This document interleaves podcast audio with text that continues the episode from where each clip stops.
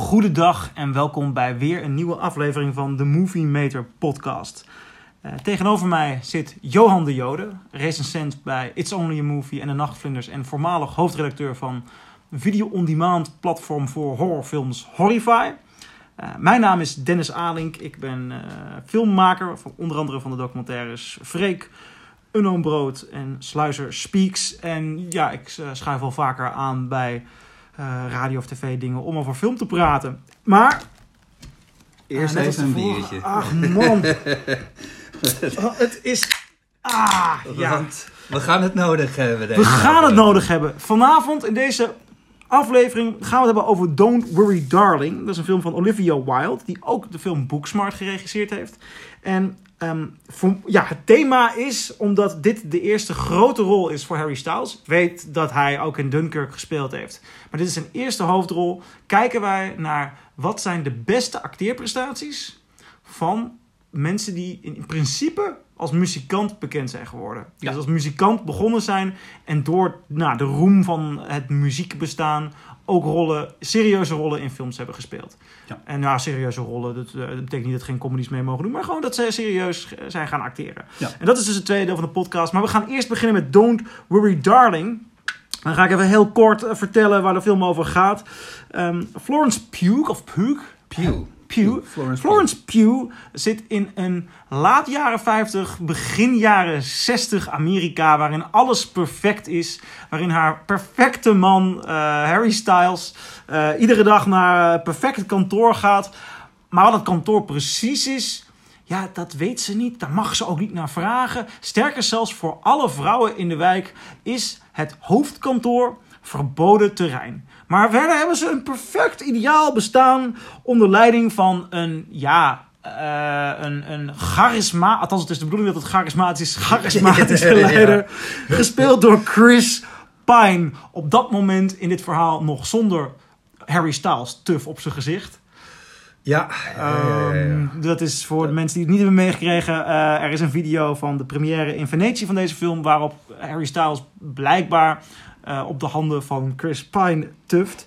Uh, Johan, ik ga het woord aan jou geven. Zo, nou.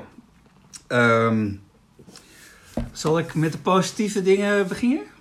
Ja, maar als jij ook nou eens positief begint, dan begin ik ook positief. Ik begin even positief. Ja. Want... Ja, daar gaat zo mijn bagger denk ik open. het, um, um, nou, nou, we hebben het over een genrefilm. We ja, over... het is een zeker een genrefilm. Thriller, horror, het, ja. het, het, het um, Kijk, bij het zien van de trailer had ik het idee dat ik uh, met een soort van nieuwe Stafford Wives-achtige film uh, naar het boek van Ira Levin, weet je wel? Dat, uh, nee, dat, is niet, nee, dat is het absoluut niet. Nee, maar dat weet ik niet. maar, ik ken het niet. Maar... Oh nee, maar goed. Het, in ieder geval in het boek van Ira Levin worden de vrouwen ook in zo'n heel erg, hoe noem je dat? Um, nou ja, die tien jaar na de Tweede Wereldoorlog, toen eigenlijk alles voortvarend ging. En, toch, en, ja. Wederopbouw. Uh, wederopbouw, maar ook gewoon de, de, de, de focus op de familie. En, en alles ziet er zo ongelooflijk netjes en pijs en vrede uit. Zo zoet. Dat bijna het glazuur van mijn tanden eraf flikkerde gewoon. En dat is een beeld wat heel veel mensen hebben over de, over de jaren 50. Ja. En uh, dat is natuurlijk niet helemaal waar. Uh, dat is in sommige wijken misschien wel zo, bij sommige huizen misschien wel zo. Maar goed, als je de straat uitrijdt, dan zie je dat, uh, dat, er heel veel niet klopt. maar hier lijkt alles perfect. Dat ziet er ook echt ontiegelijk mooi uit, als ik het zo mag zeggen. Ik, vind het, ik hou wel van die mid-century huizen, weet je wel. Wat trouwens wel grappig is, want het mainhuis wat ze gebruiken heeft een een soort van kuil. Ja, fantastisch. Uh, ja, ja en, maar dat werd toen niet gemaakt. Dat is pas uh, echt iets van nee. uh, eind jaren 60. Maar dat er nu niet kloppen, die had dat ik ook klopt, al in het begin Dat klopt al niet. Dus, maar, dat klopt, maar dat klopt met de film later dan. Nou goed, er gaat, ja. er gaat gespoilerd worden in de... Nu ja, nog niet. We gaan nu nog geen spoilers, maar we nee. gaan wel even een spoilerwaarschuwing Nou, het is ook heel moeilijk om geen spoilers te gebruiken. Ja, maar zullen we hem gaan aankondigen? Want dan kunnen de Ja, mensen die nu luisteren nog gewoon luisteren. En het moment dat wij gaan spoileren, vertrouw ons, dan, eh, dan zeggen we het even. En dan kun je gewoon in de eh, hoe heet dat? De eh, Spotify-app gewoon 15 seconden plus. En dat dan vier keer doen. En dan Ja. over een minuut ja, zijn we klaar met spoiler Ja. of zo. Maar ver- vertel nog even verder, want de Nou, sfeer goed, is dus- natuurlijk fantastisch. De sfeer is, is echt heel, wordt heel goed gebracht. De muziek is daar ook goed van. Ehm, wat wel je gelijk opvalt van, hey, klopt het helemaal wel? Eh, ja, ik dacht nou, ook eerst eind jaren 50, maar dan hoorde, hoorde ik platen die begin jaren 60 uitkwamen. Ja. Bovendien hebben ze een volle platenkast daar. En eh, met LP's van 12-inch formaat. Ja, En die kwamen pas in zo'n beetje 1955, 1956, nou 54 dan ook wel. Kwamen die langzaam maar zeker, eh, werden die beschikbaar. Maar als het Ja. dus ja, late jaren 50 is, hoe kom je in vredesnaam aan zo'n platencollectie? iedereen heeft ook een tv. Had ook niet iedereen toen het uit. Eh, Daarnaast ook, als je gaat kijken naar de cast, het is divers. Ja. Oftewel, blank woont naast zwart, woont naast Aziatisch.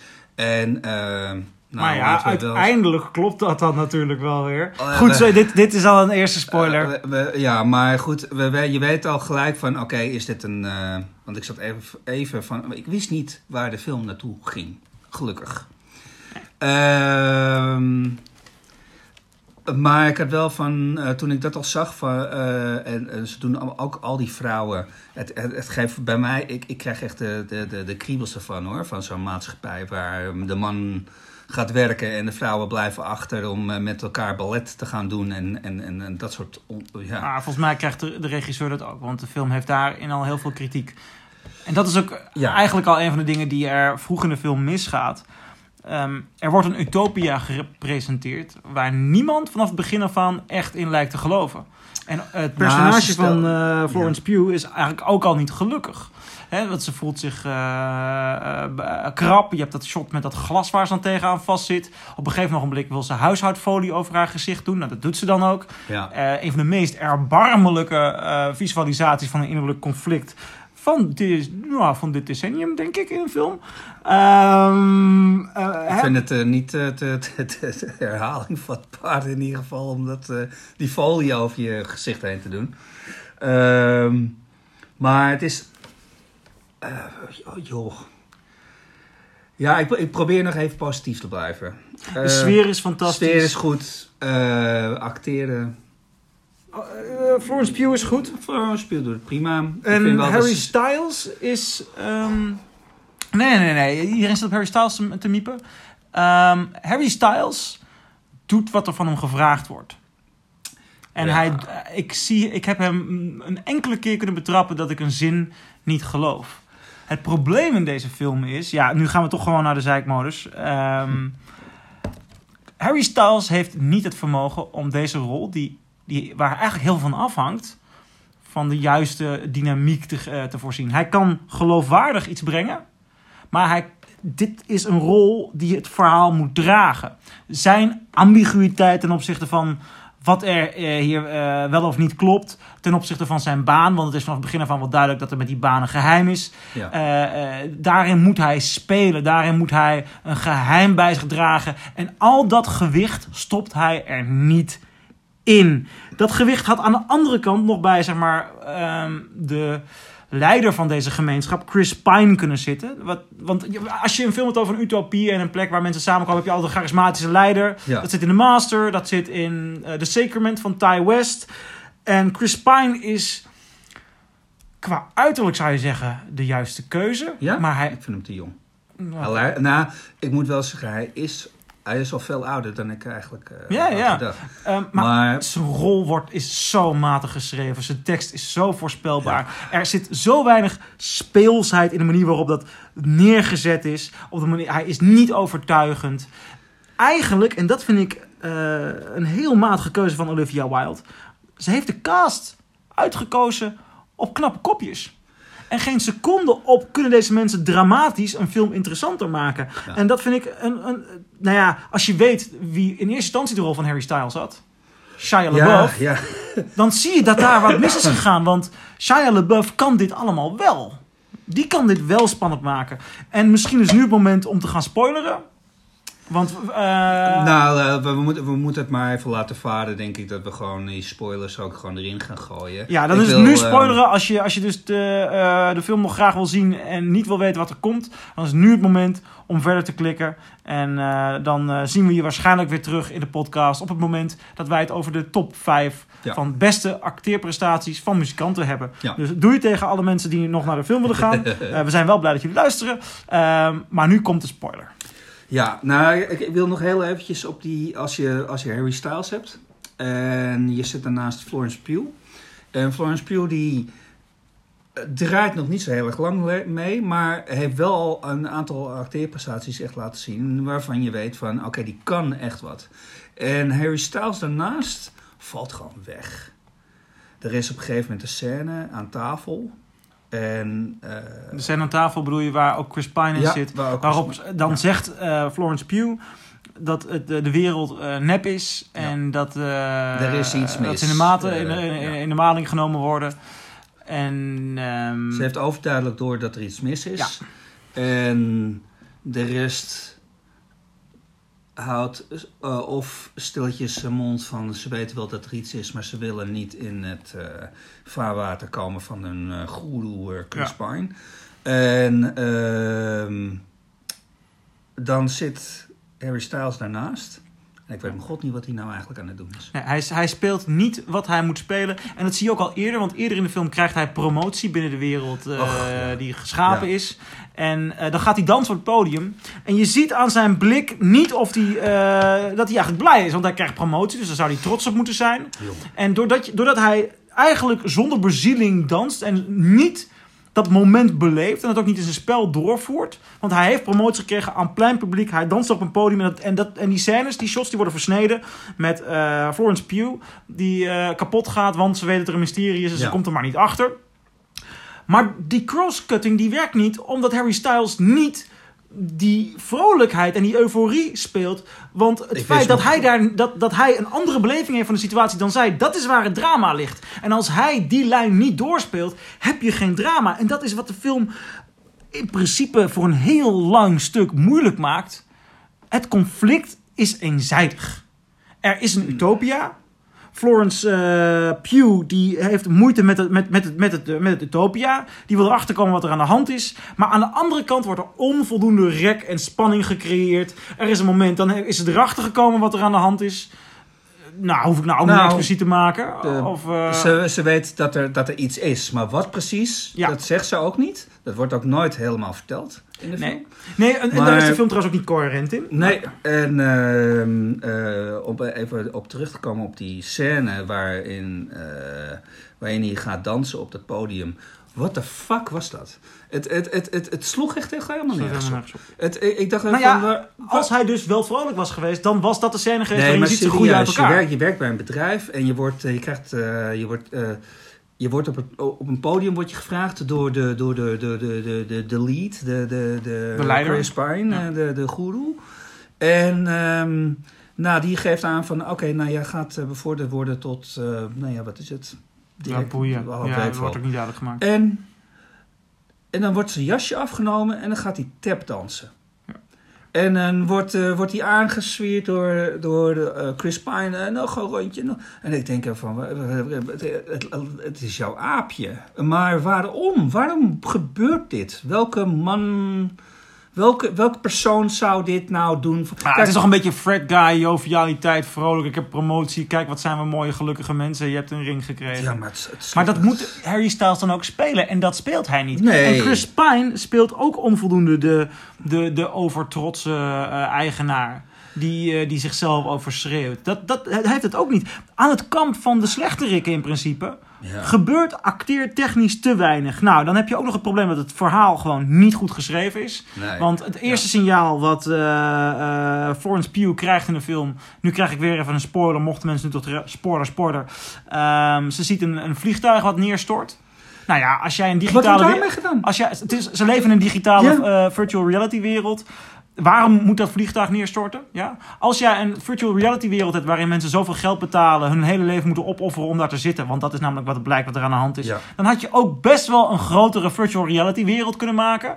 Denk dan eventjes aan een GTA of zo, San Andreas, waarbij je dus gewoon eh, drie grote steden had. Nou, daar konden we in 2006 al op een computerspelletje. Ja, Als jij een bedrijf hebt waarin mensen virtual reality leven, dan kun je toch best wel iets meer dan een fucking woonwijk creëren. Waarin in ieder geval geen eh, vliegtuigen neerstorten die de aandacht afleiden. Dan heb je toch geen woestijn nodig Ja, om was- mensen binnen huis te houden. What the fuck? Voor mij, het was ook echt onbedoeld komisch. Van dat elke keer als er iets verkeerd gaat. En, en Florence Pugh is niet de eerste vrouw in de gemeenschap die merkt dat er iets verkeerd is. Er is ook een andere dame. En die pleegt zelfmoord. Ja. En dan komen ineens, terwijl ze, als ze dat heeft gedaan. Ze staat toch al een tijdje op, die, eh, op, eh, de, op het dak. En eh, nee, maar pas als ze ligt, dan komen ineens de mannetjes in rode pakken. langs Ja. om haar weg te Die te- hebben te alles door, maar... maar Die weten alle, die hebben alles. kunnen Maar alles Florence Pugh heeft al door dat het gaat gebeuren. Ja, Florence Pugh die ziet al van, hé, hey, er is iets verkeerd. Sowieso raar eigenlijk dat, dat, dat ze überhaupt die vrouwen de kans geven om een dak op te laten klimmen, dacht ik zo. Maar Ja. misschien moet je niet te veel nadenken bij deze film. Maar... Nou, daar wil ik ehm, nog wel even op, eh, eh, op doorbouwen. Want het is niet zo dat die twist van wat blijkt dat er aan de hand is... en dat daar inconsistenties zijn het enige probleem van de film is. Nee. Want het feit dat Florence Pugh... die ziet inderdaad die zelfmoord. Waarom ziet ze die zelfmoord? Omdat ze daarvoor visioenen heeft Ja. gehad van die vrouw. In een volle danszaal ziet zij visioenen van die vrouw. De- en ja, daar ga je geen seconde in mee. Het is allemaal zo matig bedacht, zo matig omschreven.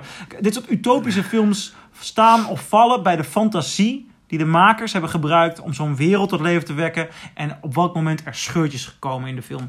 Ehm, toen ik de film begon met, toen ik, toen ik begon met kijken, had ik toevallig de dag ervoor, echt toevallig, want ik wist niet waar deze film precies over ging. Mhm. Ehm, die film gezien waarin eh, ehm, Jim Carrey vastzit in een tv. eh. Oh, eh, nou, ja, god, The Truman Show. The Truman Show. ja, ja, ja. En tijdens het kijken van de Truman Show dacht ik al van hoe kunnen deze dingen beter. En ik moest er op de een of andere manier aan denken terwijl ik deze film zag. Eh, dus... Ja, ik had, eh, ik had een soort van The Matrix gevoel. Ja. Alleen eh, zonder alle toffe dingen. Ja, want, want, want dit is niet zo goed. Dit is echt niet zo goed als The Truman Show of The Nee. Matrix. Terwijl The Of- Truman of- Show... Een soort van Ready Player One. Ja, maar Ready Player One vind ik een vijf sterren film. Nou, goed, ik bedoel, ik vind hem goed, maar ik vind het geen vijf sterren. Maar dan, Ja. maar alsnog, weet je, het idee van, ze zitten in een bepaalde wereld. Ja. Ehm, want op een gegeven moment, en ik, ik, ik hou niet van, die, van het uitleg, weet je, maar dan zie je van hoe ze in het echte leven waren.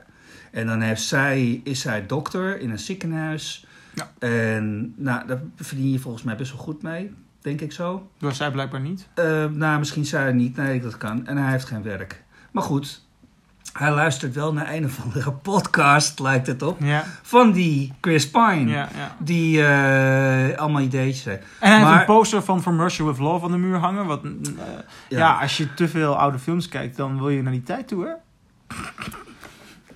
nou ja, kijk. eh, het, het, het, het, weet je wel van, kijk, het is echt een film waar je niet te veel bij na moet denken. Want denk, en probeer het even, even voor je te zien. Van, uiteindelijk blijkt dus dat hij zijn vrouw, of Florence Pugh, heeft gedrogeerd op een of andere manier.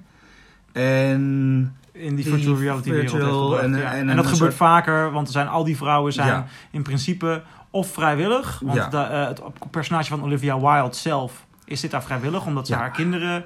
ehm, die zijn verongelukt. Ja. De, de, de kinderen zijn overleden.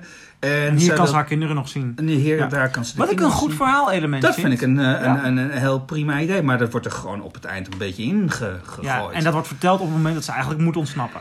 ja. Dus ook de timing daarvan is niet goed. En Maar gewoon het hele idee, weet je wel, van... eh, Denk eventjes na. Van, stel dat je nou samen bent met één iemand. De ene heeft een baan en jij niet.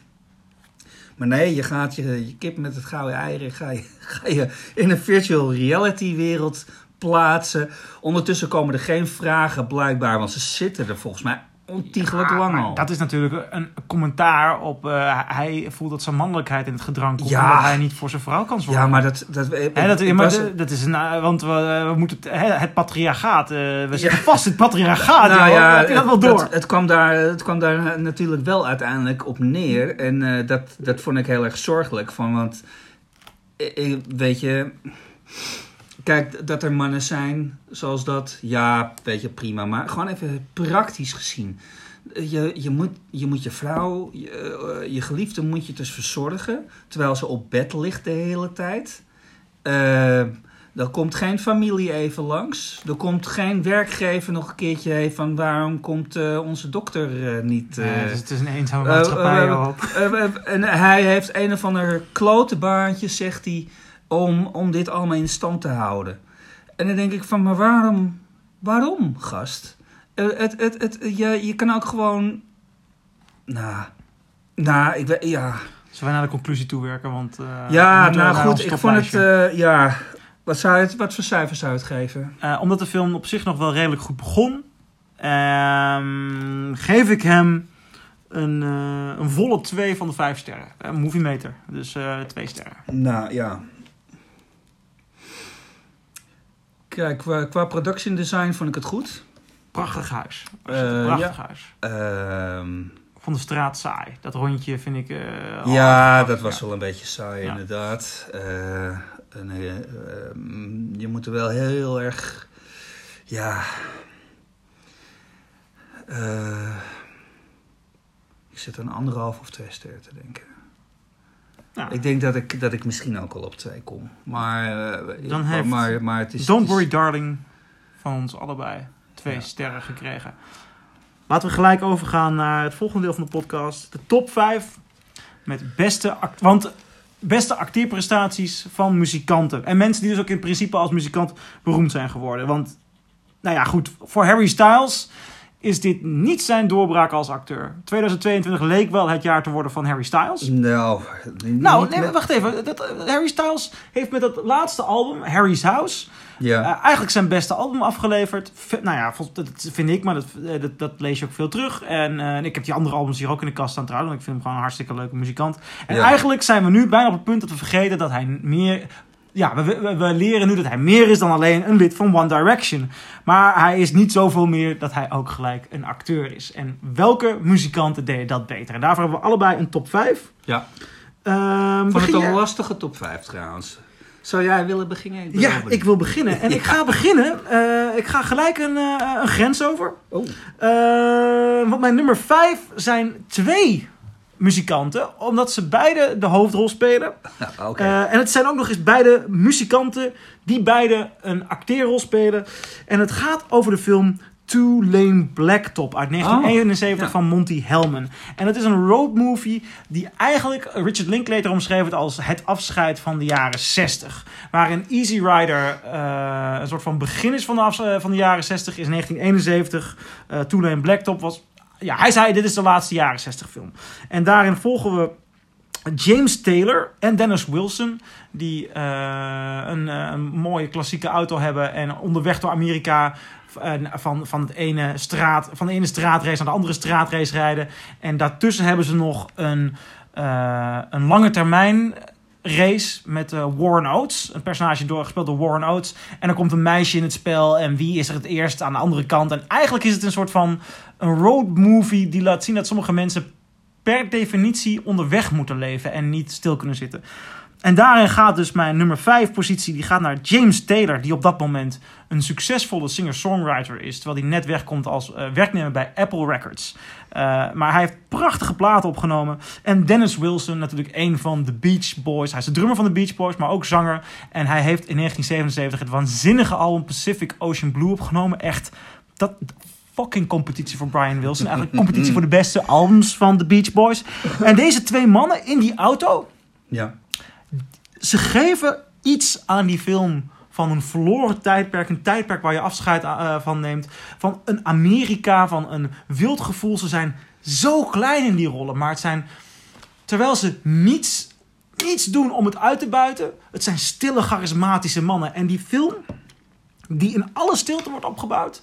wordt gedragen door James Taylor en Dennis Wilson. En het is zo'n ongelooflijk mooie hangout film waarin heel weinig gebeurt. Maar het is een film die je meeneemt door Amerika. Ik, heb zelf, ik ben zelf nooit in Amerika geweest. Ehm, maar ik kan me indenken, meer nog dan een Easy Rider, dat dit het gevoel is van met een auto door Amerika rijden. De onrust van de weg en een land waarin je eigenlijk altijd op vlucht kunt zijn.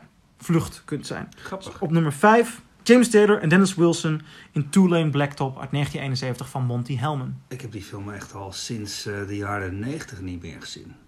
Het, eh, er staat me vaak nog wat van bij. Ik was wel veel meer een Easy Rider eh jochie. Maar ik vind Easy Rider ook fantastisch hoor.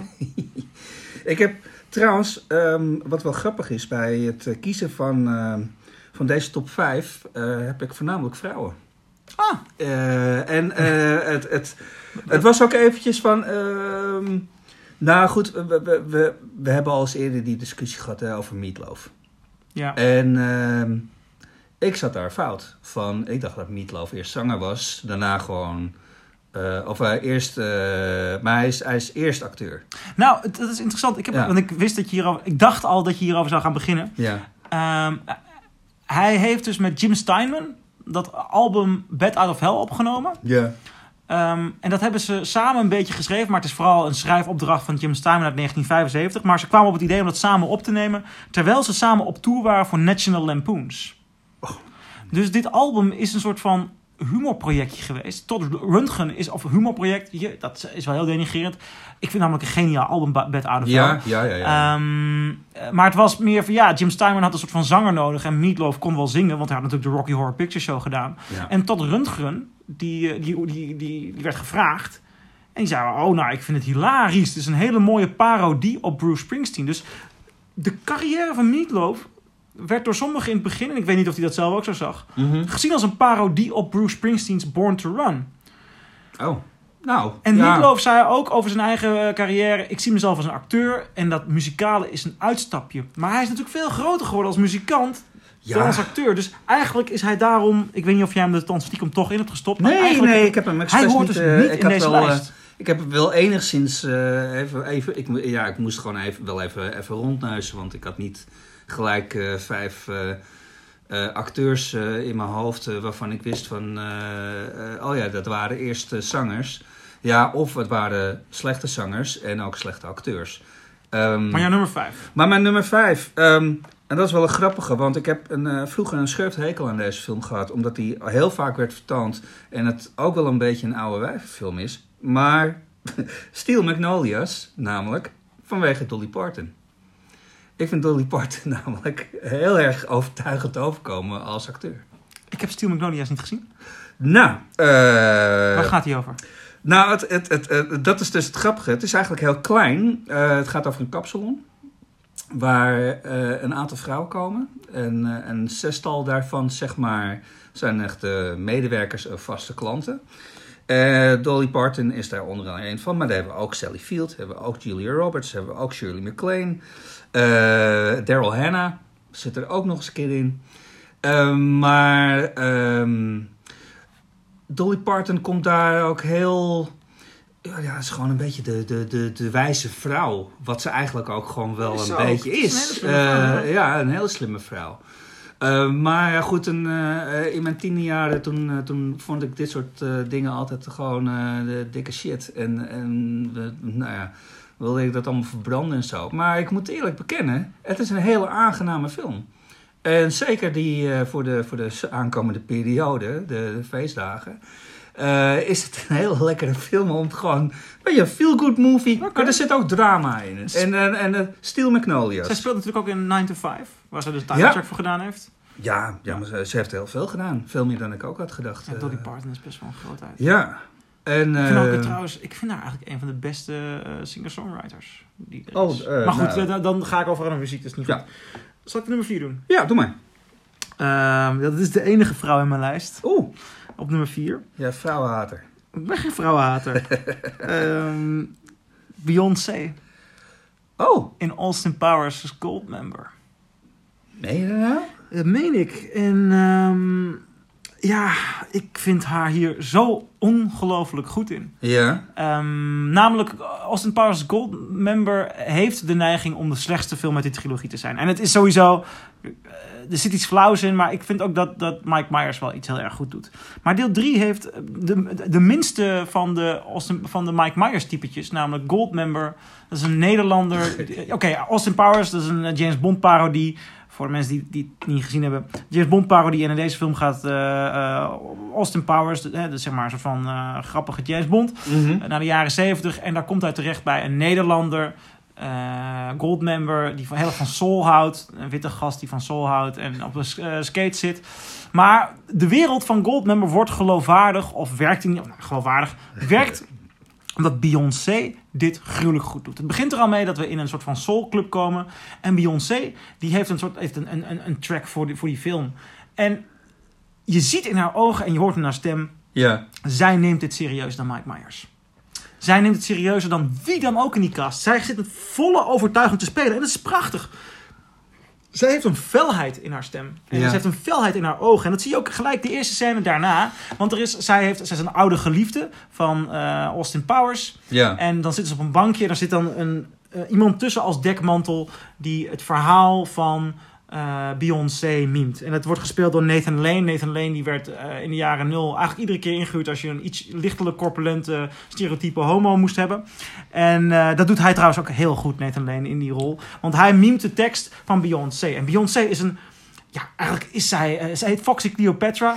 Ze is eigenlijk een, eh, een, een, eh, een knipoog naar Pam Grier. Die, die jaren 70 exploitatiefilms, eh blaxploitation films deed. Ja, het, ik bedoel, je merkt duidelijk dat, dat Pam Grier hier Ja. model voor heeft gestaan. En Beyoncé smoked het. De blik in haar ogen, ieder lachje, iedere strenge blik, het zit er volledig in. Eh, ze, blijft prachtig in haar rol, terwijl die Nathan Lane eh, haar dan nadoet als een man tegenover Austin Powers. En ze is, ze is de hele film lang, is zij gewoon degene waardoor dit nog een behoorlijke eh, geslaagde comedy is. Omdat ze consequent strak blijft spelen. Ze heeft een fantastisch charisma. Ik ben geen fan van haar muziek. Ik ben geen. Ja, oké. ik vind dat ze leuke nummers heeft. Maar dan ga, ik, moet, ne- ik neig ernaar om dan ook de muziek in te duiken. Ga, ik- ga ik niet doen. Ik vind haar hier overtuigend spelen. Ze is een prachtig personage. En ehm, kijk, de volg, of in een andere aflevering hebben wij het over de meest eh, eh, sexy eh, eh, scènes. Ja, daar had ik haar bijna eh, ook in de lijst gestopt. Vanwege deze film? Vanwege deze film. Ik vind haar, menen? ik vind haar heel sexy. Ja, nou, maar goed, ik bedoel, ze is, ja. zeker, ze is heel sexy in die film, ja. Eh, ben ik overtuigd van haar acteren? Weet niet, ze heeft veel meer gedaan. Ook nog eens een keer, dat wist ik eigenlijk ook niet, want ik zag haar ook al voorbij komen. Maar ik heb haar, weet je, nou, het is ook een beetje persoonlijk. Eh, ik, ik vind haar qua persoon niet meer zo leuk. Eh, Nee, ik heb en, de laatste eh, jaren, ik geloof niet, dat wat zij zegt komt niet meer overeen met wat ze qua muziek eh, maakt. Ja, maar ik, ik, ik, ik, vind, ik vind haar wel een groot muzikant. En ik vind haar ook een goede stem hebben. maar, maar, maar, maar ze komt niet in mijn top 5 in ieder geval. Wie staat Maar ik ben wel, vind het wel grappig dat jij, de, dat jij Beyoncé hebt gekozen op nummer 4. Ja. Want dan schaam ik me ook wat minder voor mijn nummer 4. dat is Lady Gaga. In A Star Is Born. En ik dacht het al, A Star is Born. Nou, ik wilde eigenlijk, want ik, eh, ik bedoel, ik vind A Star is Born vind ik een goede film. Eh, ik heb het wel al vaak gezien, want het, het, het is, het is een remake op van een remake. Eh, jij kent ze ook wel, de eerste films, toch? Ja, ik heb ze alleen niet gezien. Ik heb alleen de laatste film gezien. Oh, oké. Ja. En kijk, ik heb ook, ik vind, ik vind Lady Gaga gewoon wel zeer gedegen acteren. Ik vind haar eigenlijk nog leuker in American Horror Story, omdat dat haar personage, het personage wat ze is, een beetje, zeg maar, dat, dat, dat voelt heel erg goed in American Horror Story. Maar goed, het is een serie, we zouden het bij film houden. En ehm, bij A Star is Born gaat het natuurlijk over een, een, een, een, een, eh, een muzikant die een, een, een dame die wil doorbreken eigenlijk helpt. En daarbij nogal wat hobbels op de weg vindt. Zeg ik dat Ja. zo goed? Ja. Nou ja, nogal wat hobbels. Ik vind dat het in de film allemaal nogal makkelijk gaat eigenlijk. Ja, nee, daar ben ik mee eens. Het, het, het, we hebben veel meer drama in ons leven meegemaakt. Nee, maar, nee, maar het, eh, ehm, Eh, ik vind wel dat eh, Lady Gaga gewoon wel dat ze dat goed laat zien. Ik heb haar laatst ook gezien in The House of Gucci. Vond ik het ook goed. Ik vind alleen The House of Gucci gewoon niet zo'n leuke film om naar te kijken. Maar A Star is Born vond ik dan wel weer leuk. Ook al zit, eh, hoe heet die, die Quibus? Ehm, de way- eh, Bradley Cooper, waar ik een Ja. schurfthekel aan heb. Ja. Ehm, daar heb ik echt een schurfthekel aan. Ehm, maar goed, die neem ik maar eventjes op de koop toe. En ik moet ook eerlijk zeggen, ik vind als een van de weinige mannen schijnbaar ook eh, Lady Gaga gewoon een heel lekker ding. Ehm, ja, ik geef jou nu geen bevestigende blik. Nee, Dat, nee, eh, nee. Ik vind het een eh, heel aantrekkelijke vrouw. Ehm, maar goed, dat ben ik. Eh, maar goed, voor dit soort dingen is het wel leuk om naar A Star is Born te kijken. Op nummer 4 in jouw lijst, Stars Born en Lady Gaga. Ja. Dan ga ik naar mijn nummer 3. En mijn nummer 3 is Willie Nelson. Oh, Willie Nelson in de film Thief van Michael Mann uit 1981. was ik helemaal vergeten. Dat Sorry. is een film eh, Ja. waarin James Caan eigenlijk zijn beste rol speelt. Hij is Mhm. een dief en ehm, hij, hij breekt kluizen open. En ehm, hij heeft in principe twee doelen, lijkt het in de film. Eh, namelijk doel 1 is geld te verzamelen, zodat hij met zijn nieuwe vrouw een eh, nieuw leven op kan bouwen. Mhm. Maar hij heeft een oude leermeester, Oklahoma of Omaha, die, die in de gevangenis zit. En die eh, moet voordat hij overlijdt eh, de gevangenis uit. Nou, dat lijntje stelt niet zo heel veel voor. Woody Nelson heeft twee scènes. Ja. En die eerste scène.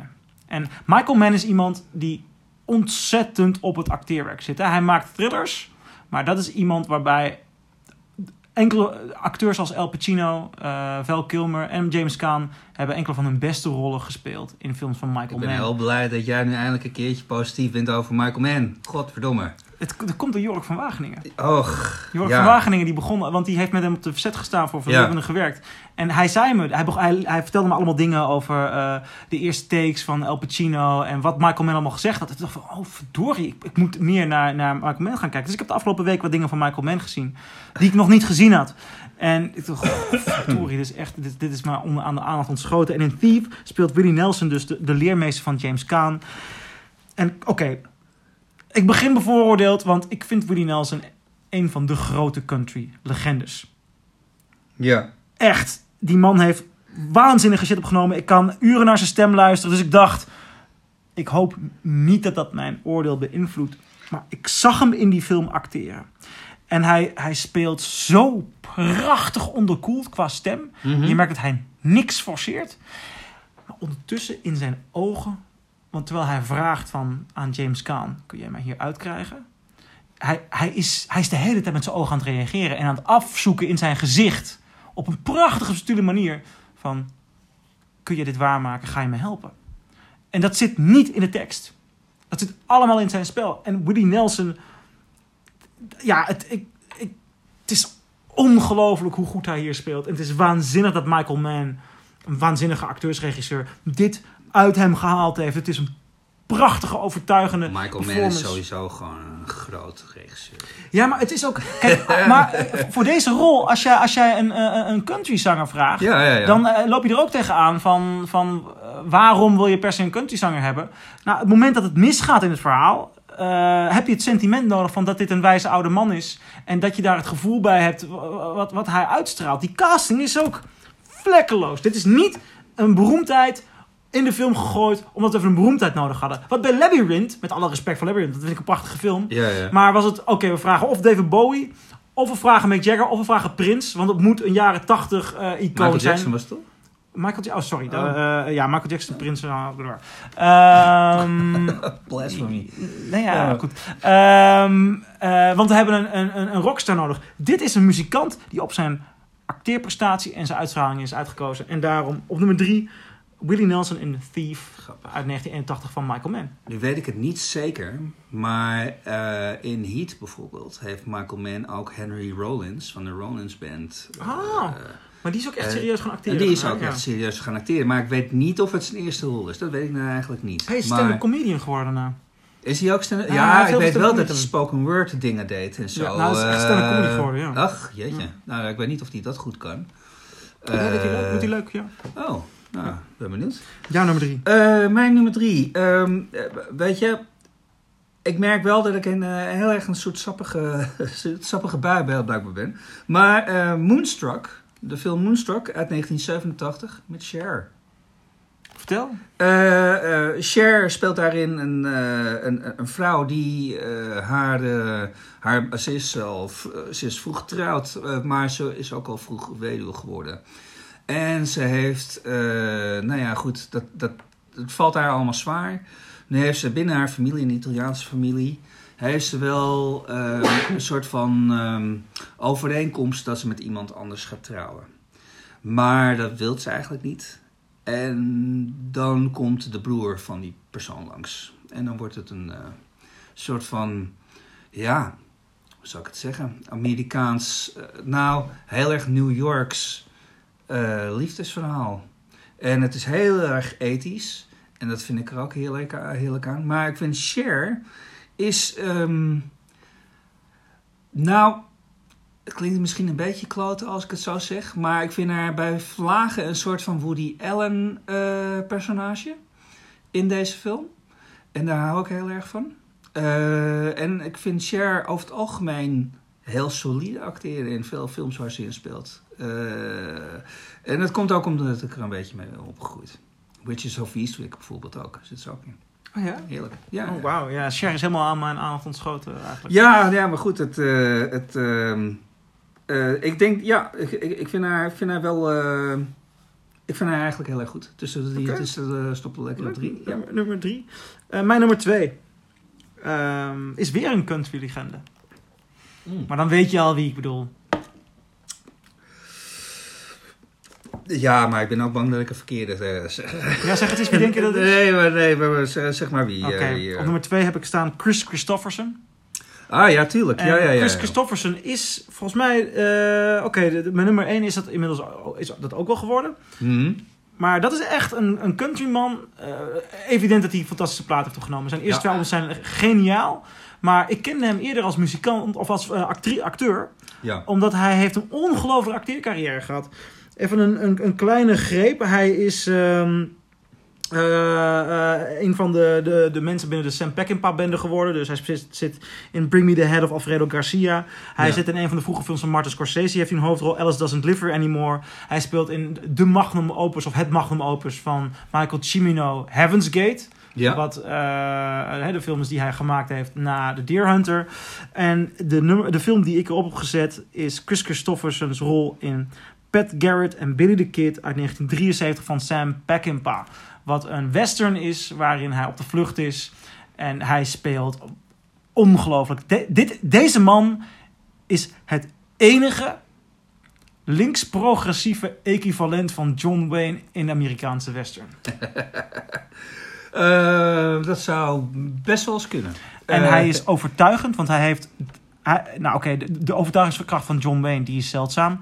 Maar hij blijft zo dicht bij zichzelf. Ja. En het is evident dat hij een, een, een, eh, een ster is geworden. Hij zit natuurlijk ook in de, de, de, de tweede remake van A Star is Born. ja. Hij was in de jaren 70 gewoon een van de grootste Hollywoodsterren. Dat, zijn, dat lijkt, lijken we nu vergeten te zijn. Ja, nou, maar ik ken, eh, ik ken de man eigenlijk ook meer als acteur dan, eh, dan als zanger. Maar dat komt omdat ik niet, niet, niet helemaal thuis ben in, op dat gebied. Eh, maar heel veel van zijn films, en goed, eh, later is het wat minder geworden. Maar ja, weet je, iedereen kent hem nog ook nog van, eh, van Blade. Blade, ja. Ehm, maar ja, goed, zo, ken- zo ken ik de man eigenlijk als acteur. En het is pas vele malen la- eh, veel, veel jaren later eigenlijk tot mij gekomen dat hij, dat hij gewoon ook een grote zanger is. Hij, hij begon echt met werken in Nashville. Zijn eerste klus Ja. was als ehm, janitor, dus een conciërge, bij de Nashville-opnames van Blonde on Blonde van Bob Dylan. Ja, En eh, toen is hij op een gegeven moment, heeft hij, want hij wilde per se countrymuzikant worden. Hij, heeft toen een hij was een helikopterpiloot eh, in het leger en hij heeft een helikopter meegenomen. En is toen naar Johnny Cash in de tuin gegaan toen hij nuchter was. Gezegd, eh, om bij Johnny Cash aan te kloppen van ga nu, zorg ervoor dat ik mijn eerste plaat krijg. Dus hij was echt iemand die per se in de country scene moest doorbreken.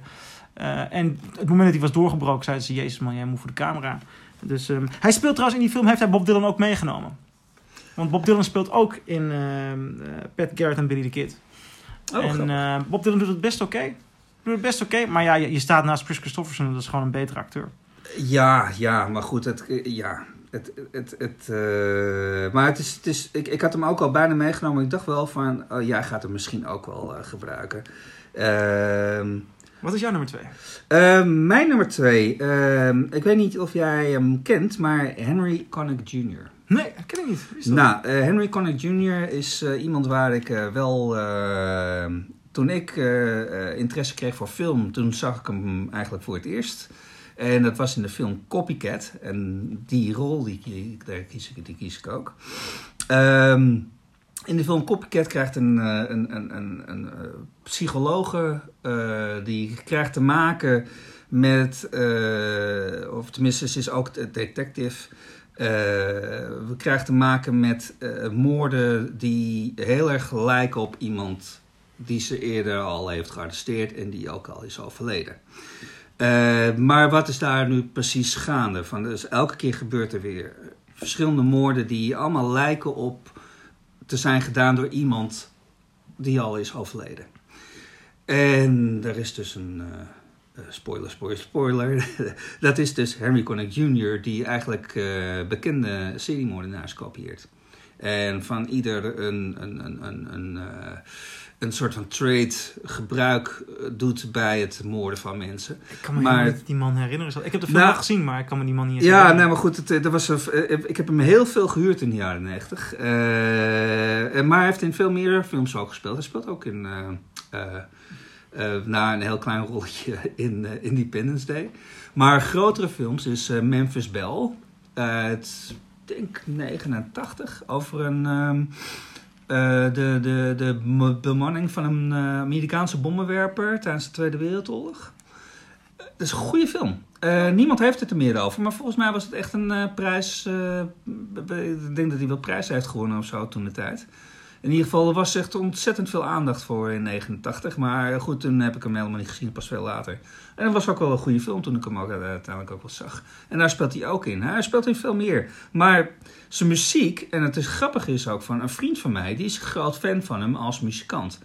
Eh, en die heeft ook gewoon, eh, oh nou, ik heb deze cd-dubbel, wil jij die? En ik denk van, nou ja, weet je, ik heb een beetje naar geluisterd, maar het is niet mijn eh, Nee? cup of tea. Ehm, ja, een beetje ballad, bla. Ah, ja, ah. ja, goed, ik probeer het ook niet af te katten, maar eh, het, het, is, het, is, eh, het, is, het is gewoon niet mijn muziek. Maar ik vind hem als acteur heel erg leuk. Maar het was dus eerst een zanger. Oké, En dat wist ik eigenlijk ook niet. Maar goed. we gaan naar nummer 1. Ja. Ehm, ik heb op nummer 1 Frank Sinatra. En Frank Sinatra niet in de musicals zoals eh On the Town of High Society, want dat geloof ik allemaal wel. Dat, Ja. dat, vind ik daar. daar- hij, hij is een gruwelijk goede acteur. En eh, ik heb nog getwijfeld tussen welke films. Ehm, want eh, iets in mij vond The Man with the Golden Arm, waarin hij een, een heroïneverslaafde speelt. Een film van Otto Preminger uit 1955, als ik het goed heb. Ehm, prachtig. Maar ik, er zijn momenten dat hij net iets te over de top is. Vind ik. Want ja, het is heel lastig om, om zo'n zo'n intern conflict. eh, Ja. En waar, waar ik hem echt meesterlijk in vind. En waarin ik echt dacht van hoe de fuck kan deze gast naast het zingen ook zo acteren. Is The Manchurian Candidate. Ja. Dat is een film over eh, veteranen met een trauma. En ehm, eigenlijk wil hij erachter komen wat dat trauma nou precies is of was. Of wat er nou precies gebeurd is. En er, is- eh, er zit een heel complot in. En ehm, ik vind dat verhaal niet goed. Eh, maar eh, ik zat altijd Eh, wel... Oh, oké. ja, Maar... een film uit 1962 van John Frankenheimer. En, want als ik aan die film denk, denk ik niet aan het verhaal. Dan denk ik aan Sinatra in de trein. Sinatra die met zijn vrienden praat. En eh, het verhaal was dat hij vooral de eerste of de tweede takes eh, het beste was. En dat hij daarna gewoon of niet meer wou of niet meer kon. Want hij- speelde hem gewoon één keer met volle overtuiging. En dan zat hij helemaal in het moment. Ja. Eh, net, net, net- ik zit weer naar John Wayne te refereren. Net als John Wayne. En ehm, Sinatra is charismatisch. Hij neemt het charisma van wat hij op het podium heeft, neemt hij mee. Maar hij is ook...